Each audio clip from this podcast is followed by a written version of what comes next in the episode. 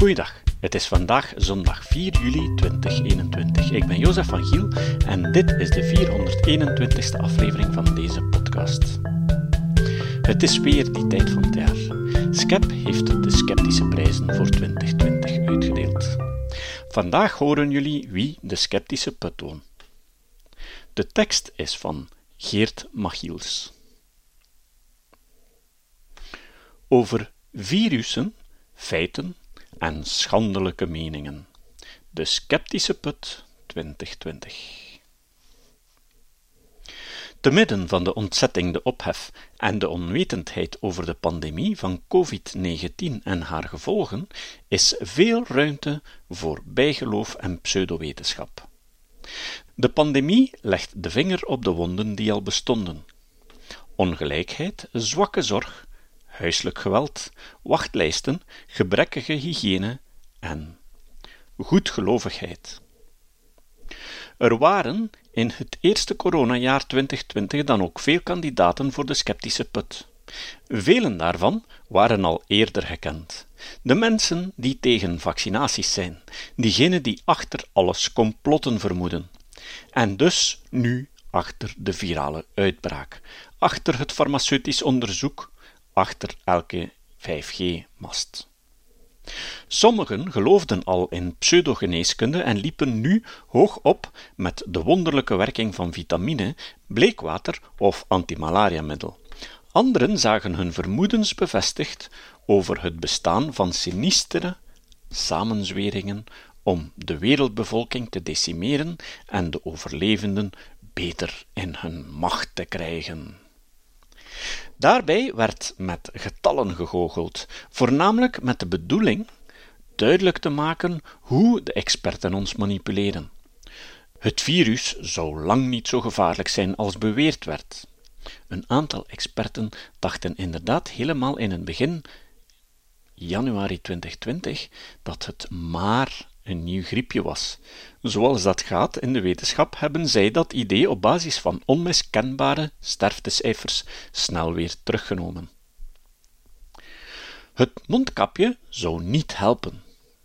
De maatregelen om fysische afstand te houden en je handen kapot te wassen waren nutteloos en zelfs schadelijk. We moesten het virus maar zijn gang laten gaan en dat er dan wat meer ouderen zouden sterven, moesten we er maar bij nemen. Dood hout mocht gesnoeid worden. De natuur is hard. Daar valt toch niets aan te doen. Kandidaten genoeg dus voor een eervolle vermelding in de annalen van de put, zoals de mensen in organisaties die in de naam van de geneeskunde complottheorieën verkondigen, uitgeweken psychoanalytici of BV's die zich uiten als vaccin-tegenstander. Velen onder de virusontkenners of maatregelenbashers werden in de loop van het jaar milder, toen bleek dat met het virus toch niet te spotten viel. Eén man hield echter het hoofd trots rechtop en blijft tot op de dag van vandaag meningen verspreiden waarvan wij vrezen dat ze de volksgezondheid ondermijnt. Hij bleek niet vatbaar voor nieuwe data, noch voor voortschrijdend inzicht en falsificatie. Op 25 maart 2020 schrijft hij een opiniestuk op VRT Nieuws. De titel vat zijn standpunt goed samen. De angst voor het virus is gevaarlijker dan het virus zelf. Hij ontkent daarin niet dat het virus bestaat en zelfs niet dat het gevaarlijk is. Veel mensen zetten zich met de beste bedoelingen in om de gevolgen van de pandemie te bestrijden. Maar wat onze reactie op het virus bepaalt, zijn niet de feiten op zich, maar wel het verhaal dat omtrent de feiten geconstrueerd wordt. Dat verhaal wordt geconstrueerd door hulpverleners die oprecht hun best doen om te helpen, door mensen die hun medemens niet willen zien lijden, door politici die de juiste beslissingen willen nemen, door academici die zo objectief mogelijk informatie willen verstrekken. Hij zet heel duidelijk aanhalingstekens rond het virus.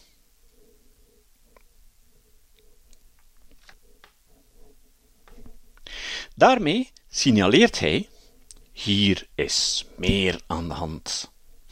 Eerder in zijn tekst zette hij ook reeds de feiten tussen aanhalingstekens, tegelijk zonder ze te ontkennen. We hebben hier, voor alle duidelijkheid, met een psychoanalyticus te doen. En psychoanalytici zijn getraind om in woorden meer te zien dan wat er staat. Feiten zijn nooit zomaar feiten. Zij vormen een verhaal geconstrueerd door leiders die de controle kwijt waren over de samenleving en nu door het virus de teugels terug in handen kunnen krijgen, door experts die hun onwetendheid moeten verbergen en de vlucht vooruit kiezen, door academici die een gelegenheid zien om zich te laten gelden, door de in de mens inherent aanwezige neiging tot hysterie en dramatiek, door farmaceutische bedrijven die een gouden kans ruiken, door media die gedijen op sensationele verhalen, door getuigenissen van unieke gevallen bij wie het ziekteverloop uitzonderlijk zwaar was. Hier wordt heel wat beweerd waar geen bewijs bij geleverd wordt. Controle terugwinnen, de experts zijn onwetend en verbergen bovendien hun onwetendheid winst maken. Sensationele verhalen verkopen, we moeten het van hem aannemen.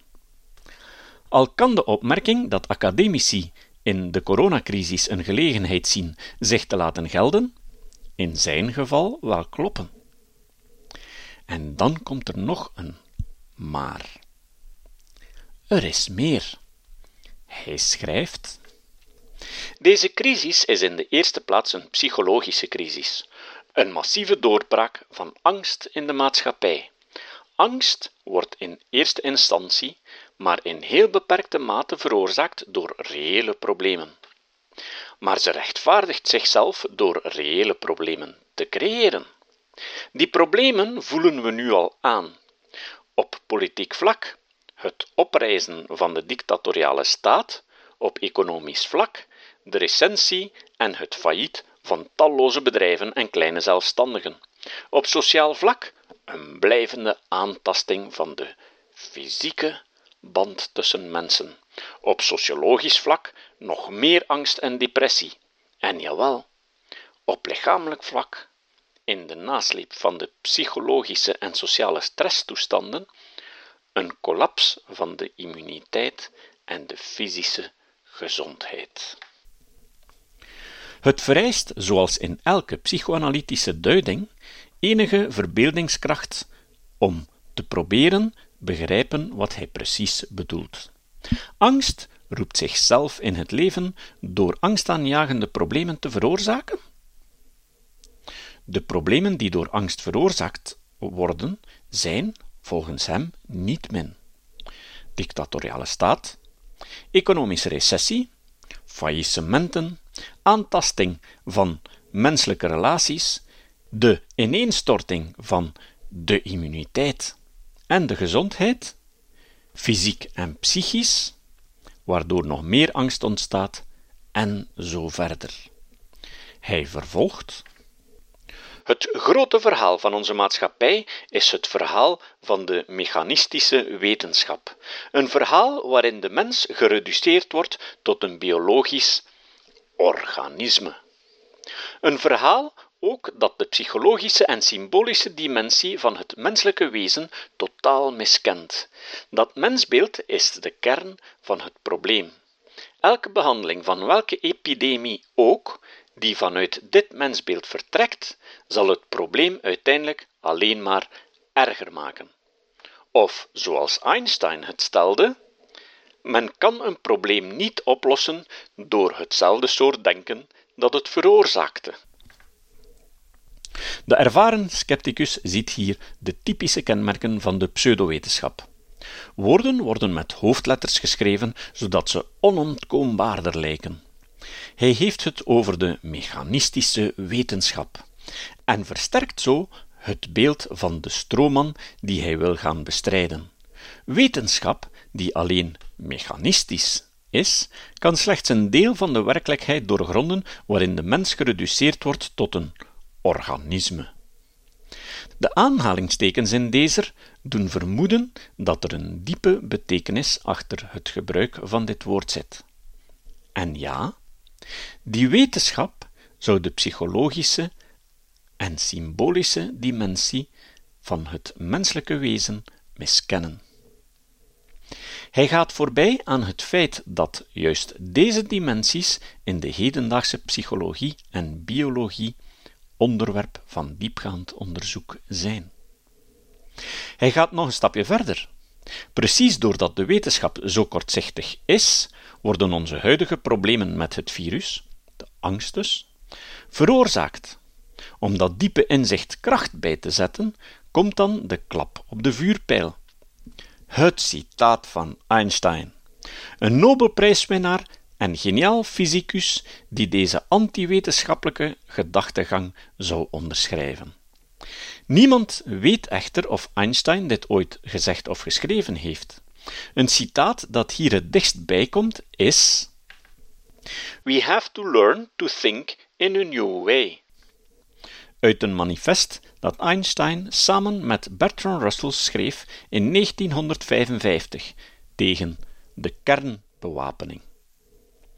De echte auteur van de vermeende quote is een New Age guru die het in een tijdschrift voor transpersonal psychology gebruikte.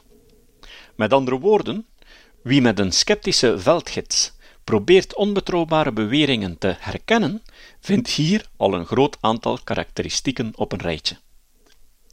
Het bleef niet bij het stuk op de website van de Vlaamse Nieuwsdienst. In oktober 2020 zat hij samen met de Nederlandse filosoof Ad Verbrugge in een gesprek op het webplatform De Nieuwe Wereld. Onze landgenoot herhaalt in zijn tweegesprek met Verbrugge min of meer dezelfde pseudo-argumenten uit zijn eerder geciteerde tekst. Hij vertelt dat het hem verbaast dat de discussie over de slachtoffers van die maatregelen nauwelijks wordt gevoerd. De meest elementaire afweging hoe verhoudt de remedie zich tot de kwaal, werd eigenlijk nooit gemaakt. Nooit? Het ging er in de media bijna dagelijks over. In elke regeringstoespraak of persconferentie van politici of experten werd voortdurend gewikt en gewogen.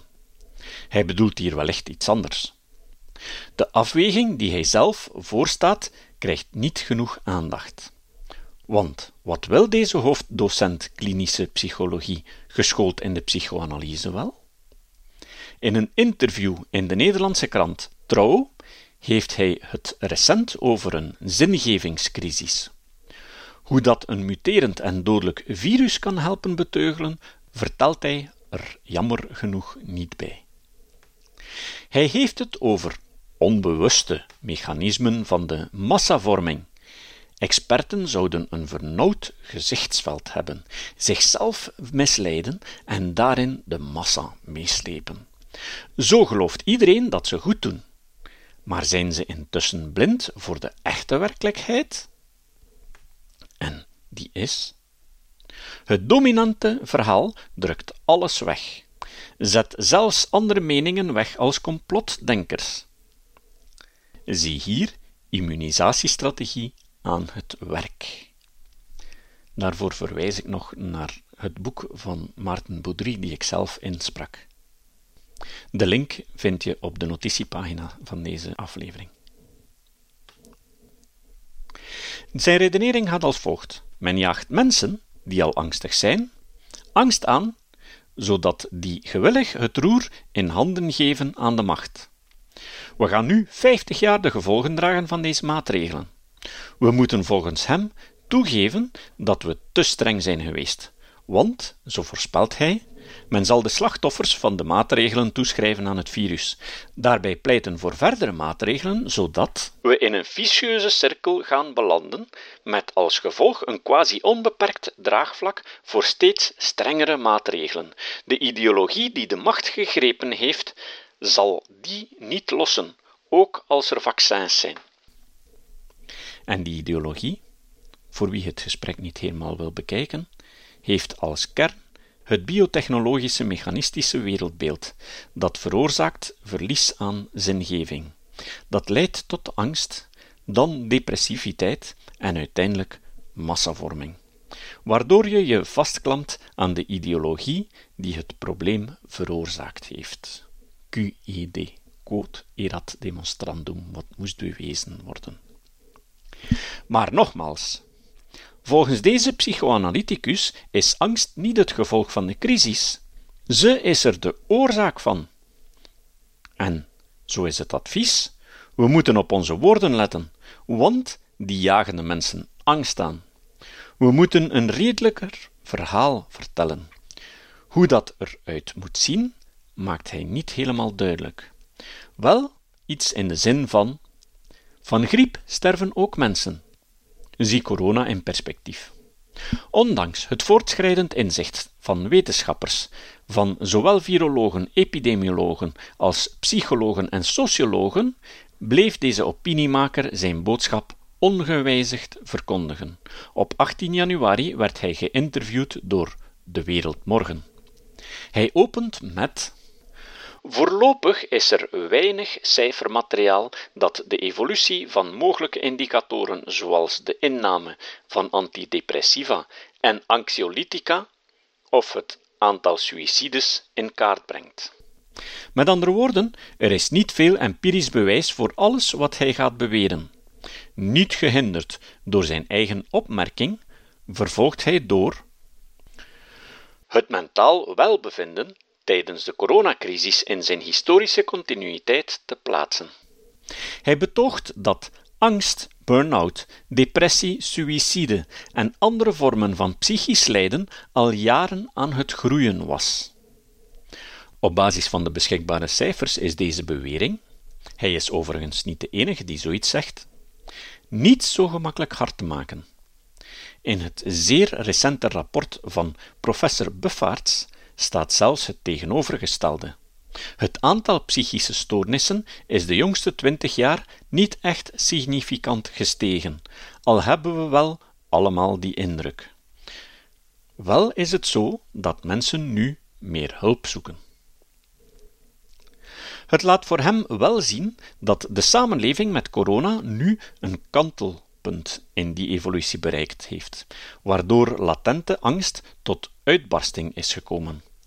Men was het moe, en het verder niet zo gevaarlijke virus gaf alleen maar een zetje, waardoor mensen de maatregelen gedwee aanvaarden.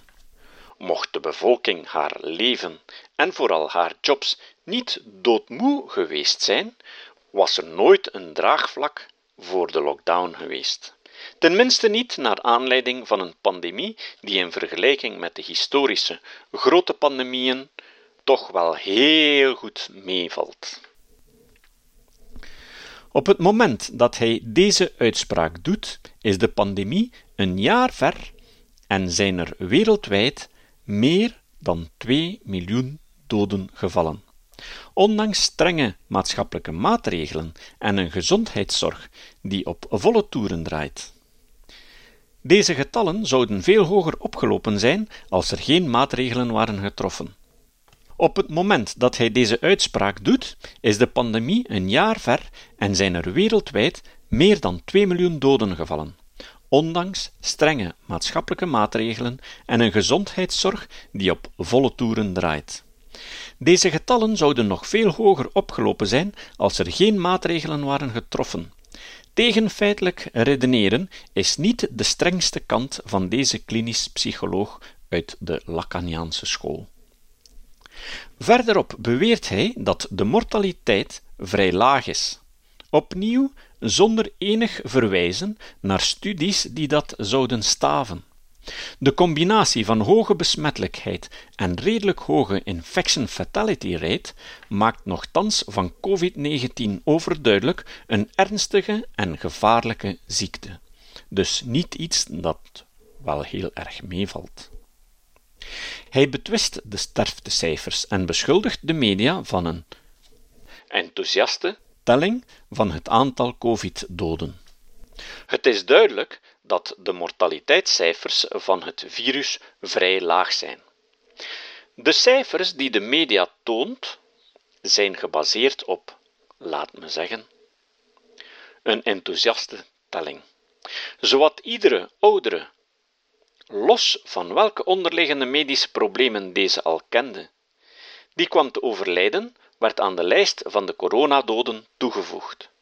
Persoonlijk ken ik slechts één persoon die als coronadode werd geregistreerd.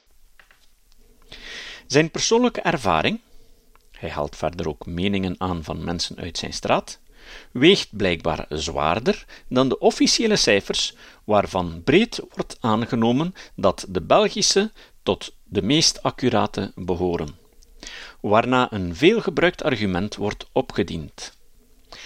Daar bestaan veel tegenstrijdigheden in de wetenschap. Daarmee wil hij aankaarten dat over bijvoorbeeld het gebruik van mondkapjes geen eensluidendheid bestaat. Of dat ook bij hydroxychloroquine en bij uitbreiding ivermectine en andere mirakelmiddelen er wetenschappelijk bewijs zou zijn voor hun werkzaamheid. Dan loont het de moeite om te kijken naar de eigenlijke studies. In al die gevallen zie je een aantal observationele studies waarbij een licht positief effect vermoed wordt. Grondige, betrouwbare studies waar inmiddels allerminst discussie over is, laten zien dat wel degelijk mondkapjes werken en dat de wondermiddelen dat niet doen. In één beweging neemt hij ook de PCR-testen mee in zijn kritiek. Ook die zouden niet betrouwbaar zijn, want te veel vals positieven opleveren. Een test waar al twintig jaar veel ervaring mee is, zou het nu ineens laten afweten. Elke test levert, afhankelijk van zijn eigenschappen en de omstandigheden waarin hij gebruikt wordt, vals positieve en vals negatieve resultaten. Daar wordt dan ook bij hun gebruik rekening mee gehouden. Zijn uitspraken zijn tendentieus. Hij suggereert dat de wetenschap, alsof die zou bestaan, het niet eens is, waardoor zijn pseudoskepsis aan waarde lijkt te winnen. Onze laureaat blijft benadrukken dat de psychologische gevolgen van de pandemie en de maatregelen onderschat worden of zelfs genegeerd worden. In werkelijkheid is er niemand, virologen noch politici, die de ernst van de psychologische gevolgen van deze crisis in twijfel trekt. In werkelijkheid wordt voortdurend een middenweg gezocht tussen het medisch en sociaal welzijn en de signalen uit alle hoeken van de maatschappij worden gehoord. Het is ook duidelijk dat de politici bij hun afwegingen de medische experts niet altijd hebben gevolgd.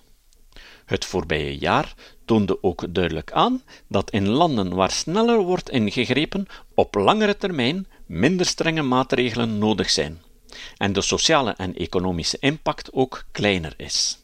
Studie na studie wijst ook uit dat een goed draagvlak bij de bevolking hiervoor noodzakelijk is.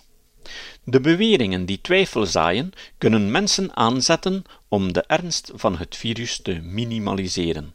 Precies het soort misleidend verhaal dat onze laureaat blijft vertellen. Het nocebo-effect van angst genererende en angstaanjagende betogen zoals die van hem zijn niet te onderschatten. De angst die hij meent te ontwaren, is net de angst die hij aanwakkert. De versoepelingsbrigadiers, die zich verzetten tegen de maatregelen omdat ze schadelijk zouden zijn voor de volksgezondheid en de economie, creëren daarmee juist bijkomende schade door het ondergraven van het vertrouwen en de vastberadenheid van het overgrote deel van de bevolking. De pseudofilosofische bespiegelingen over het ontstaan van een dictatuur over massavorming en totalisering, in vergelijking met het Derde Rijk, en handig gebruikmakend van de overpeinzingen van een autoriteitsfiguur als Hannah Arendt, laten we verder geheel voor rekening van deze psycholoog. Het zijn opinies waar men zich meer of minder kan in vinden, maar die gezien het wetenschappelijke drijfzand waarop ze gebouwd zijn, wellicht beter niet als richtinggevend worden beschouwd.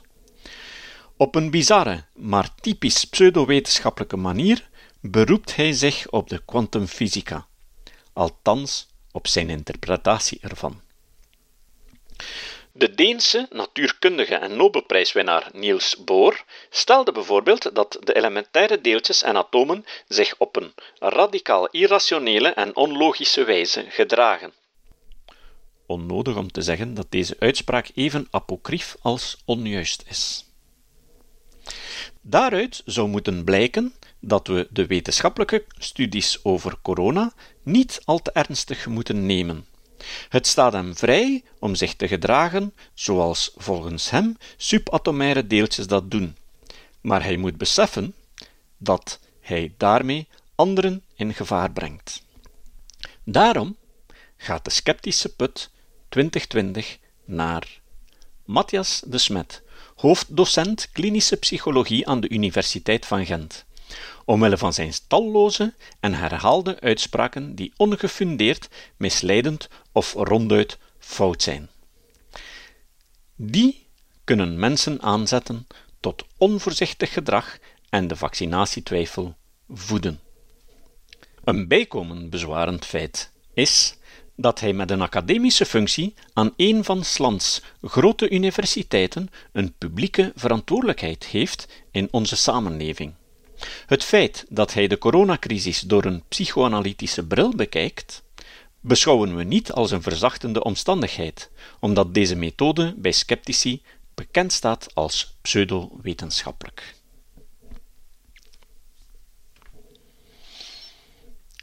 Terwijl ik deze tekst aan het inspreken was, was ik toch enorm mijzelf de vraag aan het stellen hoe het toch mogelijk is dat een universiteit nog altijd een stoel psychoanalyse heeft.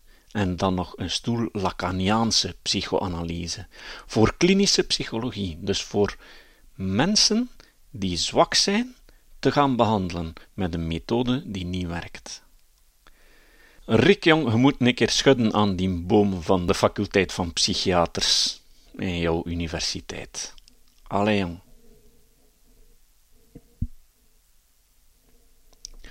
Het citaat. Het citaat van vandaag komt van Griet van der Massen. Griet van der Massen is een filosofe en erg gespecialiseerd in genderstudies. Trouwe luisteraars kennen haar al goed, want ze kwam al verschillende keren deze podcast. Van der Massen zei: Logica, analyse en abstractie door intuïtie vervangen is kenmerkend voor de romantische natuurfilosofie en ligt aan de basis van haar onvermogen om zinvolle wetenschap te produceren. Tot de volgende keer. Dit was de podcast Kritisch Denken. Vergeet niet om alles kritisch te behandelen, ook deze podcast. Voor verdere informatie over deze podcast, links en voor de tekst, surf naar www.kritischdenken.info. Als je deze podcast belangrijk vindt, kun je me steunen door anderen warm te maken ook eens te luisteren. Stuur een e-mail naar vrienden met een link naar de website en plaats de link in de handtekening van je e-mails. Tevens kun je op iTunes deze podcast een beoordeling geven of een recensie schrijven. Of je kan op je eigen website of blog een link naar kritisch denken plaatsen.